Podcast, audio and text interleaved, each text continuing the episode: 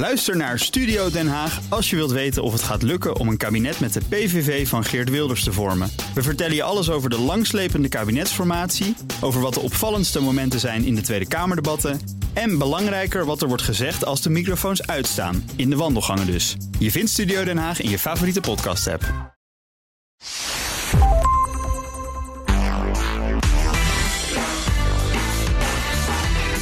Welkom bij de Ben Tichelaar podcast bij BNR, de podcast over persoonlijk leiderschap. Elke aflevering hebben we een bijzondere gast met inzichten die je helpen om je verder te ontwikkelen in je werk en de rest van je leven. Mijn naam is Ben Tichelaar en mijn gast in deze aflevering is Nick van Dam. Nick, wat ontzettend leuk dat je hier bent. Ja, dank je Ben. Heel graag. Ja, nou, ik weet niet of iedereen jou kent. Uh, ik, ik het duurde een tijdje voordat jij op mijn radar kwam. Maar toen, toen ik zag wat je allemaal hebt gedaan, was ik, was ik ontzettend onder de indruk. Uh, onder meer gewerkt op het gebied van leren en ontwikkelen bij Siemens, Deloitte, McKinsey. En bij het laatste bedrijf, bij McKinsey, toch wel een gerenommeerde naam, ben jij jarenlang ook Global Chief Learning Officer geweest. Wat, wat doe je dan eigenlijk precies? Ja, ja, eigenlijk binnen McKinsey was ik verantwoordelijk voor uh, leren en ontwikkelen voor de 30.000 consultants en partners ja. voor McKinsey wereldwijd. Uh, en daarnaast uh, besteed ik ook tijd aan een aantal cliënten die ook natuurlijk bezig zijn met ontwikkelen van hun mensen en hun leiders. Ja, dus als het gaat over leren ontwikkelen, heb je echt ook met de poot in de modder gestaan, om het maar even zo te noemen. Tegenwoordig ben je ook hoogleraar op dat gebied aan Nijenrode, aan AI University in Madrid. En daarnaast geef je ook les aan de University van Pennsylvania. Ja, dat zijn allemaal hele mooie namen. Je schrijft boeken. Um, even kijken, wat heb ik hier staan aan titels? Ja, pas verschenen. Leren en ontwikkelen in het digitale tijdperk. Maar ook gaan we straks ook over hebben. Het boek Ga doen wat je echt belangrijk vindt. Meteen ook een heel goed advies waarschijnlijk. Ja, ja. En dan heb ik nog iets aan, maar dat vond ik ook heel mooi om dat te om dat te zien. Je bent ook oprichter en bestuurder van de stichting e-learning for kids. Uh, die meer dan 20 miljoen kinderen in de leeftijd van 5 tot 12 helpt met gratis digitaal onderwijs. Uh, als mensen er meer over willen weten, moeten ze even kijken op www.e-learningforkids.org e-learningforkids.org. Hoe ben je daar zo bij gekomen? Waarom heb je dat er ook nog weer bij gedaan? Je bent al zo druk. Ja, ja ben, weet je, het, ik ben eigenlijk ongeveer 15 jaar geleden begonnen. Ik, ik, ik, was, ik, zat, ik werkte in de VS um, en was verantwoordelijk voor HR binnen Deloitte uh, wereldwijd voor een divisie. En ik realiseerde me, ik werk met heel veel professionals en, en ik reflecteerde op mezelf en, en, en dacht van, goh, waarom zit ik nou eigenlijk hier? En, en alles komt altijd weer terug op onderwijs. Ja. En als je praat met ouders en je reist de wereld over, dan zie je ook dat er nog steeds heel veel kinderen zijn die niet de kans hebben gehad die ik heb gehad. En ik dacht van hoe kunnen we nou wat doen, een bijdrage leveren. En toen ben ik begonnen met die stichting e for Kids, waarbij we digitaal lesmateriaal maken voor kinderen tussen 5 en 12 jaar en dat op internet aanbieden. Ja, ik heb en, even naar gekeken. Het is een hele leuke oefening op het gebied van rekenen, taal ja. en uh, nou ja, allerlei dingen. En het leuke was ook, je hebt blijkbaar ook heel veel uh, bedrijven uit jouw netwerk zo gek gekregen om dat te sponsoren. Hè? Want ja. uh, er zijn natuurlijk, er komt weer een hoop geld ook bij kijken om dat, voor, om dat mogelijk te maken. Ja, absoluut. En, en het is een stichting. Is altijd, als stichting, je hebt altijd meer fondsen nodig om nog veel meer te doen. Ja. dus ja, ik nodig ook iedereen uit om naar de website te kijken. De, de website te introduceren voor scholen waar je mee in contact bent. Maar natuurlijk, hè, we kijken ook altijd naar mogelijkheden voor extra fondsen. Om nog meer te kunnen doen met digitaal onderwijs. Wat nu zo belangrijk is, zeker in de coronatijd. Volgens de ja. UNESCO gaan er nu een paar honderd miljoen kinderen helemaal niet meer naar school toe het komende half jaar. Dat is een ander verhaal dus, dan bij ons natuurlijk hier ja, in Nederland. Ja, ja. ja, dus hier zit iemand tegenover me met echt een passie voor onderwijs en voor ontwikkeling. En dan zijn we natuurlijk benieuwd, tenminste ik ben dan benieuwd, waar komt dat vandaan? Waar, ja. Waarom ben je in dit vak terechtgekomen? Ja, ja ik, het gaat altijd terug vaak naar school. Hè? Je hebt, je hebt, uh, op school krijg je te maken met leraren. En, en er zijn leraren op school in je studie die je zo inspireren dat je denkt van... God, wat een mooi, wat een mooi vakgebied is dit om, ja. om mensen verder te helpen in hun leven. En, en daar ben ik eigenlijk uh, in dat vakgebied begonnen. En mijn afgelopen 25 en bijna 30 jaar heb ik allerlei rollen gehad. Zelfs in sales, in marketing, in business development, als adviseur. Uh, en, en, en nu dan als hoogleraar.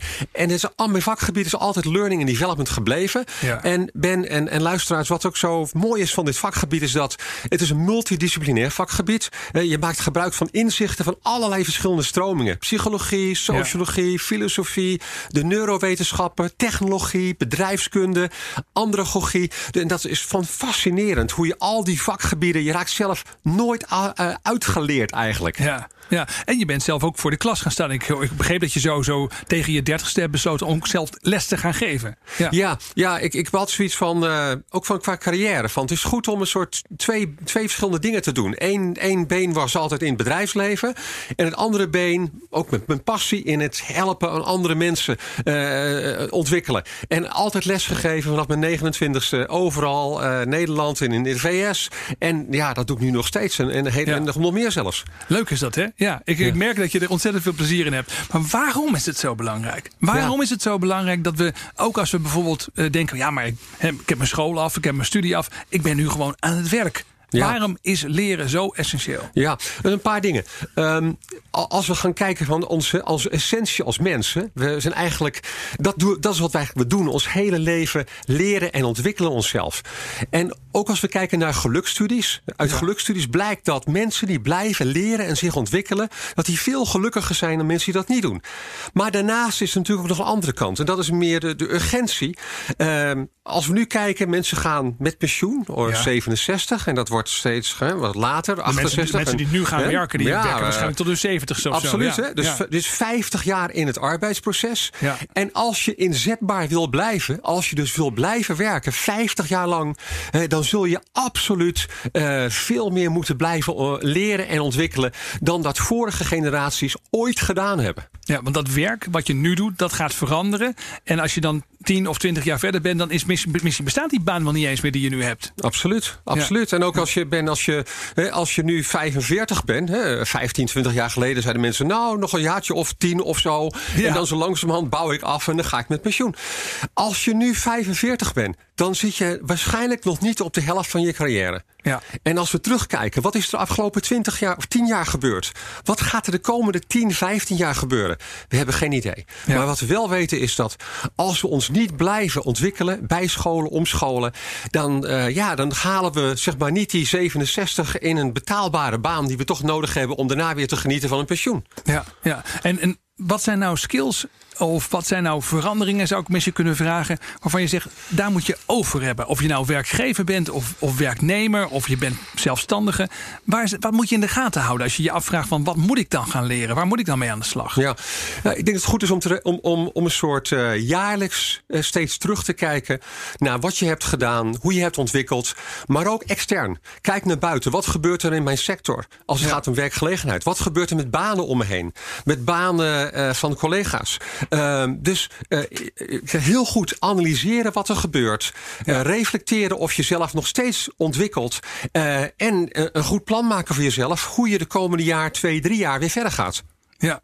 Zijn, er ook, zijn er ook dingen waarvan je in zijn algemeen kunt zeggen: van daar komt sowieso meer aandacht voor? He, dus, dus dingen waarvan je zegt: nou, als je het niet makkelijk vindt om bijvoorbeeld in je branche of uh, op andere manier om je heen te kijken naar wat er gevraagd wordt, let dan in ieder geval hierop. Nou, ik denk als we het hebben over meer competenties, uh, Ben, hè, van, uh, van wat, wat belangrijk is, is dat er zijn een aantal, een aantal thema's daarin. Eén uh, thema heeft natuurlijk alles met digitalisering te maken. Ja. we, we, wat we, er is net een rapport uitgekomen van, van McKinsey. en in dat rapport staat dat er in Europa de komende tien jaar 72 miljoen banen potentieel op de tocht staan. Okay. Uh, door een combinatie van COVID en digitalisering. Dus die, die arbeidsmarkt die gaat gigantisch veranderen. Nou, we zien nu al in een aantal sectoren natuurlijk dat het, dat het werk terugloopt. Maar daarnaast zijn ook rollen uh, waar, waar minder behoefte aan is. Of waar mensen, en dat geldt bijna voor iedereen als ik vooruit kijk, iedereen zal een aantal nieuwe competenties moeten, uh, moeten, moeten leren. Ja, ja. En, en wat is dan, dat zijn van die discussies. We gaan er even een paar langs. Um, moet je dan bijvoorbeeld meer een generalist worden of moet je juist dieper specialiseren op je terrein? Wat ja. voor soort keuzes zou je dan mensen aanraden? Ja, nou, als ik mezelf even als voorbeeld neem. Ik, heb, ik zit 30 jaar in het vakgebied leren en ontwikkelen. Maar ik heb tien verschillende rollen gehad. Okay. Dus dat is, dat is best wel mogelijk. Uh, maar binnen dat vakgebied heb ik me enorm verbreed en verdiept. Um, ik, ik had een, uh, een, een meeting met 25 uh, HR-leiders van Amazon in juni. En daar vroeg ik die, stelde ik deze vraag. -hmm. Gaat de toekomst om de specialist of de generalist? En wat zeiden ze? En ze keken me aan en zeiden... Nick, wij nemen alleen maar specialisten aan bij Amazon. En wat bedoelden ze daarmee te zeggen? Ja, dat ze zeggen, wij verwachten dat mensen een vakgebied hebben. Ja. En natuurlijk is het zo dat mensen ook vaardigheden moeten hebben. En, en het, begrijp, het bedrijf moeten eh, begrijpen hoe het werkt. hè, En allerlei andere sociale en leiderschapsvaardigheden moeten hebben. Maar je hebt een vakgebied nodig. Ja. En ook als je denkt als ZZP'er, als freelancer. Waarom nemen mensen je aan? Mensen nemen je aan omdat je ergens iets van af weet. Ja. Dat je dus, blijkbaar echt een vak kennis, hebt. Kennis Ja. en vaardigheden op een specifiek vakgebied blijven dus essentieel. blijven heel essentieel, ja. Nou, er werd er in het verleden wel gesproken, dat noemden ze dan wel de T-shaped personality. Hè? Dus dat je aan de ene kant een soort, soort brede balk hebt, hè? De, de bovenkant van de T, maar dat je op een paar punten ook de diepte in moest. Is dat dan nog steeds waar het over gaat? Dat je dus wel die brede vaardigheden misschien moet ontwikkelen, maar vooral ook die diepte toch moet hebben? Ja, ik noem het T-model eigenlijk het, eh, het babyboom carrière model. Hè. Je, Oké. eh, rond je van hoger opgeleide onder ons, rond eh, 23, 24 rond je opleiding af. Hè, en dan heb je je vak, zeg maar, de, de, de, de verticale kant van de T. Vervolgens ga je leren, vaardigheden. Je wordt wat dieper in je vakgebied. Ja. je werkt voor twee tot vijf organisaties en dan ga je met pensioen. Nou, waar ik in geloof nu en wat ik zie, is dat we gaan eigenlijk naar een M-model toe. Eh, Waarbij De in een MM3-poot, hè? we Drie. Oké. Ja, drie van die pootjes. Eigenlijk drie van die specialisaties die je die je eigenlijk in je leven gaat, eh, gaat ontwikkelen. Oké, dus wat grappig is, die brede vaardigheden, dus op het gebied van leiderschap, sociale competentie, allemaal belangrijk.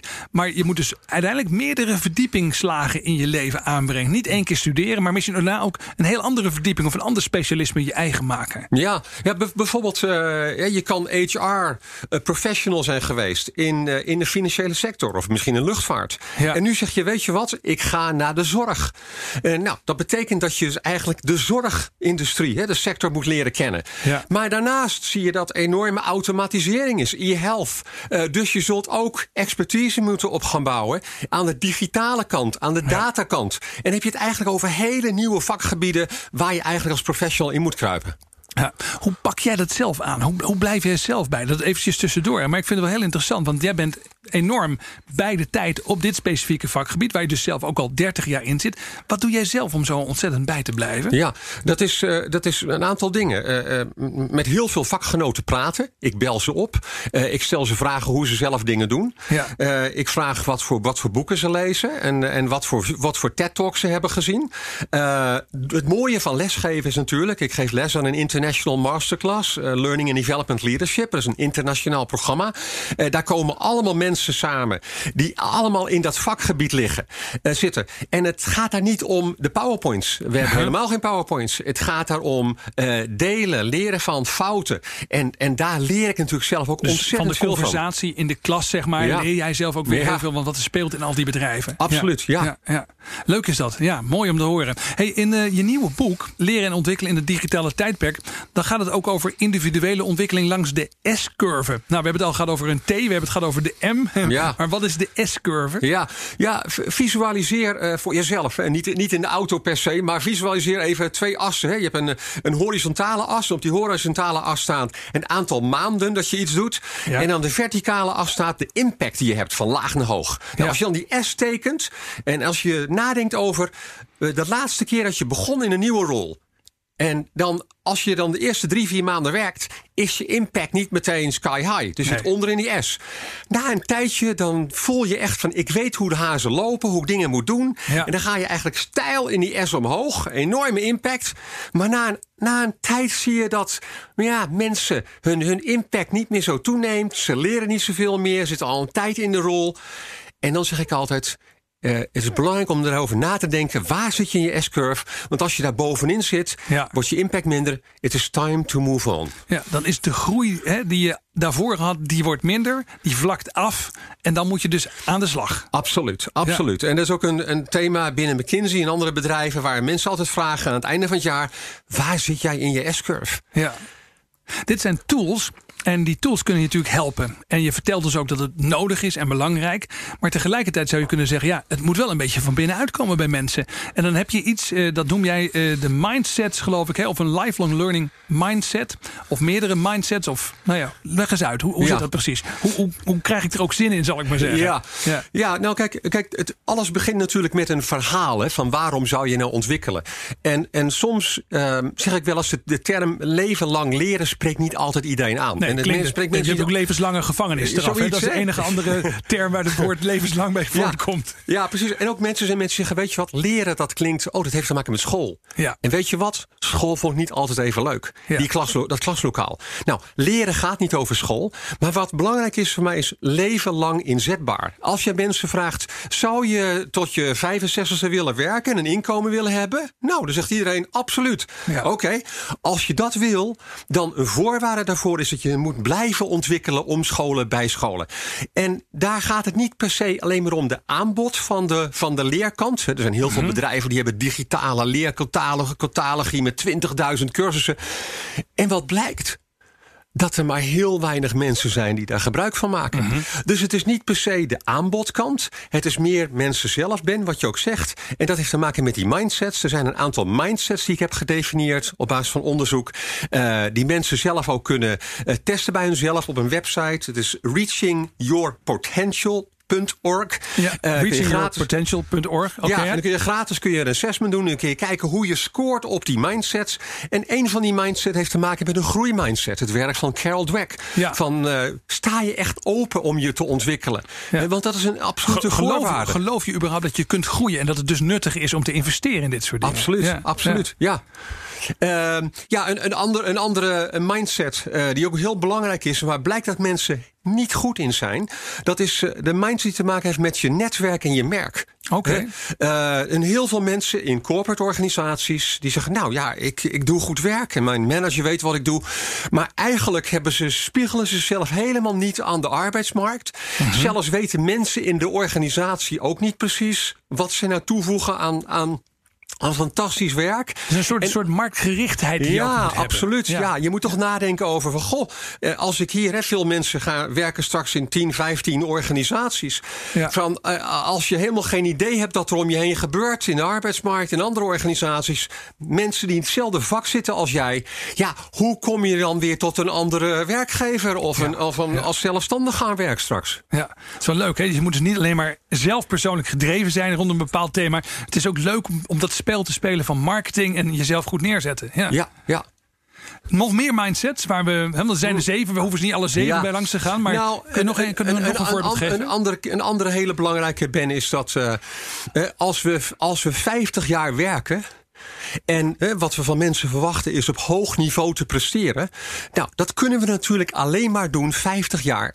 Als we vitaal blijven. Ja. Als we gezond blijven.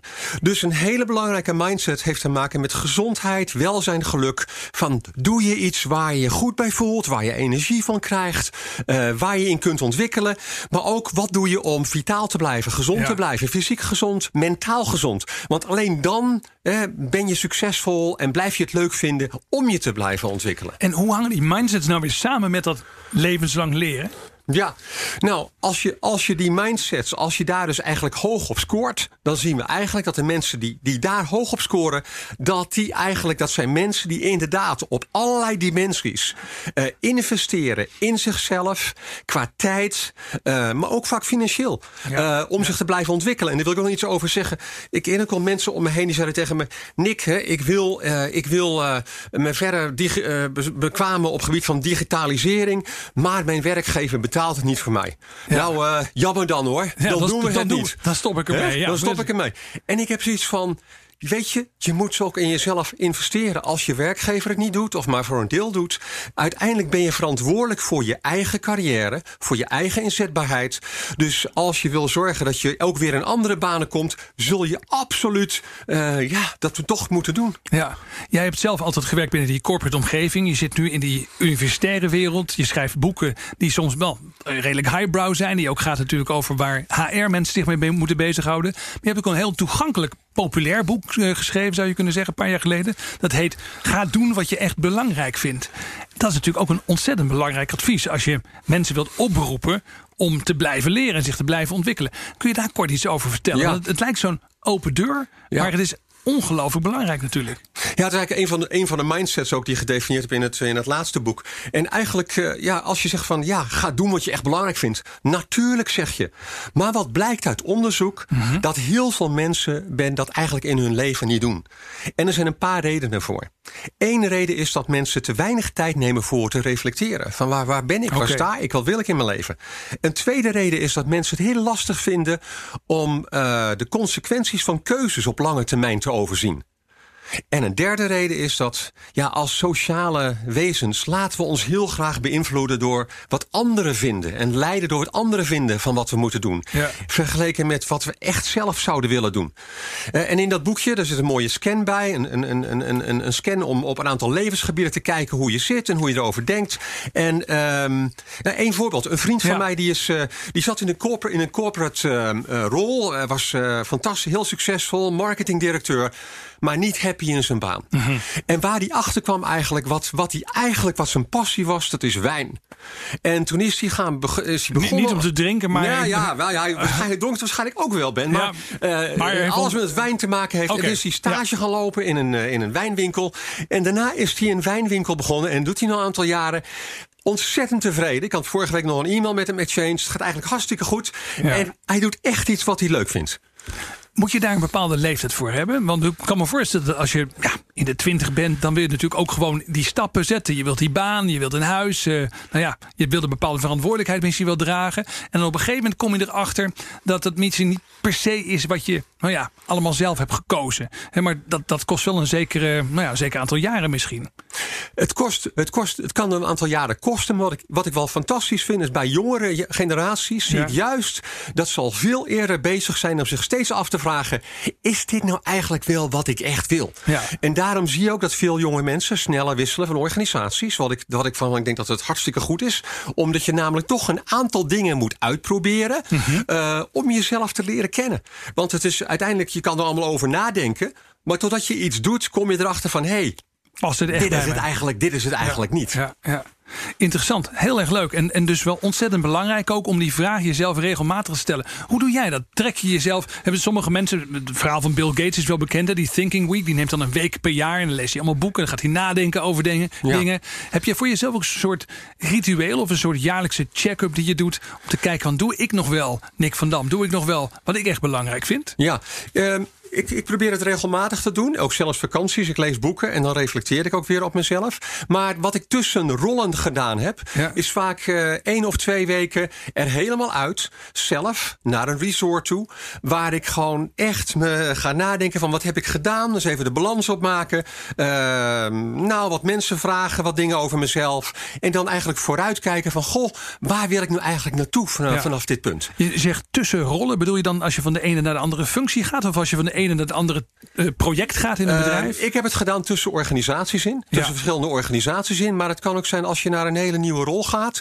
En ik van wauw, dat is toch wel weer een enorme uitdaging. Of ik zit al een tijdje in die rol. Waar zit ik in mijn eigen S-curve. Dat je dan toch weer die vragen even stelt. Om te zorgen dat je het nog steeds doet. Hè, weer terug naar die reflectie. Wat je eigenlijk echt belangrijk Ja. vindt. En dan zeg je, ga er even uit. Vraag aan je vrienden, de mensen die je goed kennen, wat zij waarnemen. En gebruik dat om Ja. een plan te maken voor de toekomst. Absoluut, absoluut. Ja. Mooi. Hey, ehm, ook interessant om te weten is, eh, ja, op het gebied van leren en ontwikkelen zijn natuurlijk ook allerlei mythes. Hè. Je had het net al over bijvoorbeeld eh, het enorme aanbod van eh, ja, e-learning bijvoorbeeld. En allerlei cursussen en trainingen die ook worden aangeboden, ook gewoon niet, niet online. En iedereen roept natuurlijk dat zijn manier van leren of zijn aanbod de allerbeste is. Wat zijn nou mythes waar je een beetje waakzaam, waakzaamheid bij moet betrachten, laat ik het zo zeggen. Ja. Nou, ik denk dat dat een hele belangrijke is. eh het heeft te maken met. eh, kun je eigenlijk nog leren als je iets ouder bent? Hè, Ik heb, ik heb met, met heel veel HR-mensen gesproken. En sommige HR-mensen die fluisteren dan in mijn oor en zeggen: Nick, heel eerlijk, om heel eerlijk te zijn. Hè, we hebben hier mensen in de organisatie die zijn in de 40 hè, en zelfs nog iets ouder. Hè, en we gaan door digitalisering heen en verandering. Is er nog hoop? Hè? Ja, Kunnen we die mensen überhaupt meekrijgen? Ja. ja. En eh, kunnen die nog eigenlijk daarachter, kunnen die nog wel leren? Nou, het, het mooie is wat we weten uit de neurowetenschappen: dat mensen eigenlijk hun hele leven blijven, als ze gezond blijven, Ja. kunnen blijven leren. We kunnen hè, verbindingen tussen neuronen blijven maken. En, en dat noemen we neuroplasticiteit. En we kunnen ons hele leven kunnen we blijven leren. En dat is fantastisch. En heel klein, bij Achmea is, een, is, een, is een recentelijk een onderzoek gedaan naar een groep oudere werknemers. eh, om die te ontwikkelen op digitale vaardigheden en competenties. En daaruit gebleken is dat het eigenlijk heel goed kan. Eh, en dat mensen zelfs, hè, omdat ze veel meer ervaring hadden met andere systemen en processen, dat ze een aantal zaken heel goed konden combineren met elkaar. Waardoor ze het eigenlijk beter deden, zelfs nog, Ja. dan de jongere mensen eh, die met, eenzelfde, met dezelfde activiteiten aan de slag gingen. Dus er is absoluut hè, heel veel mogelijkheden voor mensen. Maar natuurlijk heeft het te maken met die groeimindset, met die, met die mindsets voor leren. Ja. Mensen kunnen leren. En, en, en organisaties, vind ik, moeten er ook alles aan doen om te zorgen, en individueel voor mensen, om dat leerproces Ja. actief te houden, mee verder te gaan. Ja, ik heb me dat ook wel eens afgevraagd. Als mensen op een gegeven moment 55 zijn, dan wordt er van ze gezegd van nou ja, ze zijn al 55. hè, en ze, maar als je er even nadenkt, dat betekent dat je nog 12 jaar moet werken. En je zou ook tegen iemand die bijvoorbeeld nu 23 is, en je zou zeggen, joh, tot je 35ste hoef jij niet meer bij te scholen. Dat zou ook bizar zijn. Absoluut, Ja. absoluut. Ja. Ja. Een andere mythe, eh, Ben, is eh, dat, ze, dat intelligentiequotient dat dat iets is wat statisch is. Dat dat niet verandert. Dat je, ben, je bent geboren met een zekere IQ en daar moeten we ons dan maar bij neerleggen. Dus je kunt je IQ ontwikkelen. Absoluut, je kunt je IQ ontwikkelen. Dus dat is een heel, ook heel mooi wat met leren te maken heeft. En andere. En dan willen we toch wel even één, tip wat je daarvoor moet doen. Hè? Misschien ken je wel iemand in je omgeving waar je denkt, die kan wel wat extra IQ-punten gebruiken. Ja, ab- absoluut. Eh, maar dat, dat komt weer terug op hè, als mensen dus openstaan voor informatie, voor Ja. kennis, met, met praten met andere mensen, problemen oplossen. Ehm, ja, eh, af en toe eens wat lezen, een video kijken, een cursus volgen. Al dat soort dingen. Daarmee ontwikkel je jezelf. En natuurlijk reflectie, eh, feedback van andere mensen. Eh, ook daarnaar luisteren. Zeggen van hé, hey, ik krijg feedback of ik iets anders kan doen. Laat ik eens proberen om dat te doen, inderdaad. Ja. Nou, als je, als je dat soort dingen doet, dan kun je absoluut gedurende je leven je IQ dus vergroten. Je kunt jezelf slimmer maken. Ja, dat is ook wel weer winst van dit, van dit gesprek, dat we dat even leren. Hey, ehm, een paar, we moeten zo een beetje naar afronden, maar ik heb nog een paar vragen die moet ik aan je stellen. Ja. Ehm, ik ben natuurlijk ook benieuwd naar iemand die zo met, met, met leren en ontwikkelen bezig is. Wat heb jij nou zelf geleerd in de afgelopen weken of afgelopen maanden waarvan je denkt, ja, dat was echt weer iets, eh, zo'n zo'n mooi, zo'n fijn leermoment. Nou, wat ik eigenlijk fantastisch vind, is dat, eh, en met heel veel mensen in Nederland, en ik heb ook in Spanje gezeten in die tijd, dat er een, eh, ook een, een mythe was van heel veel mensen kunnen niet digitaal, remote werken. Ja. En we hebben eigenlijk gezien dat dat heel goed kan. Hetzelfde geldt met onderwijs. Ja, dat, dat online, dat werkt helemaal niet. Eh, nou ja, en kijk nou eens even. Dat, dat moest, eh, en we hebben een dat enorm steile Ja. leercurve doorgemaakt. Dat, dat Ja. gaat ook. Ja. Eh, en een, een, een, een leer, een, iets wat ik geleerd heb, reflecterend op al mijn rollen die ik gehad heb, ook in leiderschapsrollen, is dat als het gaat om ehm, het leiden van veranderingen, ehm, er moet altijd wel een, een, een pool zijn eh, voor iets. Als je iets wil opleggen aan een organisatie, aan mensen, waar absoluut geen verhaal bij zit wat mensen aanspreekt, waar weinig mensen echt zeggen van dat gaan we doen, dan wordt het niks. Dan kun je heel hard gaan duwen. Het moet een wenkend perspectief zijn. Absoluut, absoluut. Ja. Ook een belangrijke learning. En, en als jij zelf doseert, hè, je doseert op allerlei plekken. Dat doe je dus in Madrid, dat doe je aan Nijrode, dat doe je dus in Pennsylvania. Wat is nou iets wat jij doseert, wat je van je altijd merkt van oké, dat is dus echt, daar valt dus een kwartje aan de andere kant bij die leerlingen. Wat is nou een, laten we zeggen, wat zijn de, de greatest hits van Nick van Dam als hij staat te doseren? Ja, nou, die, die S-curve, hè, dat is een voorbeeld waar menselijk, mensen re- reflecteren dat heel mooi is. Eh, maar een andere iets is waar ik veel mee bezig mee ben, en ik weet dat jij er ook eh, heel veel naar gekeken hebt en, en over gesproken hebt, is het hele vakgebied positieve psychologie. Ja. Ehm, het werk van Martin Seligman, hoogleraar, collega in, aan UPenn, waar je eigenlijk zegt van goh, als mensen, we hebben in het verleden keken we altijd wat mensen niet kunnen, maar laten we nou eens gewoon kijken waar mensen, wat mensen wel kunnen. Ja. En wat zijn nou je talenten, je kwaliteiten? En hoe kun je die nou eigenlijk verder gaan ontwikkelen? Dus alle inzichten en praktijken uit de positieve psychologie, uh, die ik ook in een, een executive master in positieve psychologie uh, um, verzorg. dat is eigenlijk iets waar steeds meer mensen echt warm voor lopen. Schappig, hè? Dus mensen binnen dit vakgebied die denken misschien wel ook sommige luisteraars van nou, dat is toch al een tijdje zich aan het ontwikkelen. En dat denk ik dan ook. Maar eigenlijk zeg je van dit resoneert op dit moment juist enorm. Ja, want het gaat ook over heel veel onderwerpen. Dat positieve psychologie. Het gaat over emoties. Het gaat over communicatie. Het gaat over zelfvertrouwen, waar je ook over gaat praten over een paar weken. Uh, dat zijn allemaal onderwerpen die zo ja. belangrijk zijn. Uh, en waar we nog heel veel, waar heel veel winst te behalen valt op gebied van persoonlijk leiderschap, individueel leiderschap. Um, ja, dat is een heel, een heel mooi vakgebied. Ja, heel, heel enthousiasmerend. Hey, um, we moeten alweer naar een afronding toe. En ik heb een slotvraag die ik aan iedere uh, gast in mijn podcast stel. En dat is een mediatip. Als ik nou op dit specifieke gebied waar we nu over hebben gehad meer wil leren. Wat raad je ons aan? Wat is nou een, een video of, of, een artikel of iets waarvan je zegt: bestudeer dat dus. Dat ja. brengt je verder. Nou, dus als we het hebben over ons leven en leren en carrière en werk.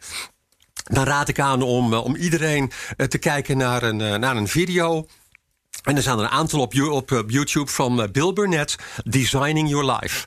En er is ook een boek hoort erbij, maar je kan ook de video's uh, volgen. En het hele idee daarachter is dat uh, het, het, het, is een design thinking methodologie die gebruikt ja. wordt om na te denken wat je eigenlijk moet doen in je leven. En wat heel essentieel is, is dat je eigenlijk een ervaring die je nog niet gehad hebt, maar waar je benieuwd naar bent, dat je die prototypt. Dat je eens een keer iets gaat uitproberen voordat je er helemaal inspringt. Iets wat je net ook al zei, hè? niet op de bank alleen maar zitten denken, maar ook uitproberen, ervaren hoe iets is. Ja, ja. ja.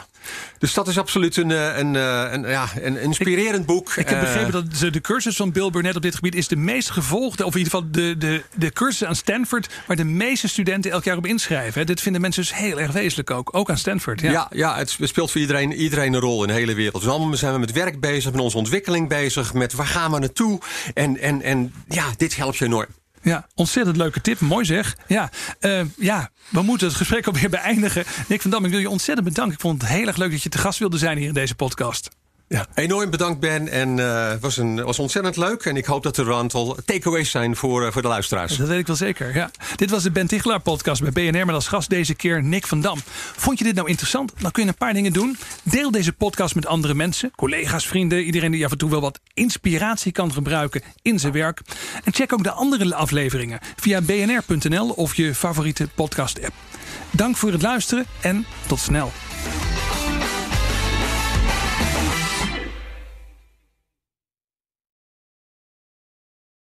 Ook Diana Matroos vind je in de BNR-app. Ja, inderdaad. Je kunt live naar mij luisteren tijdens de Big Five. Ook handig in de BNR-app. Breaking nieuwsmeldingen, maar ook het allerlaatste zakelijke nieuws. En je vindt in de app alle BNR-podcasts, waaronder Wetenschap Vandaag. Download nu de gratis BNR-app en blijf scherp.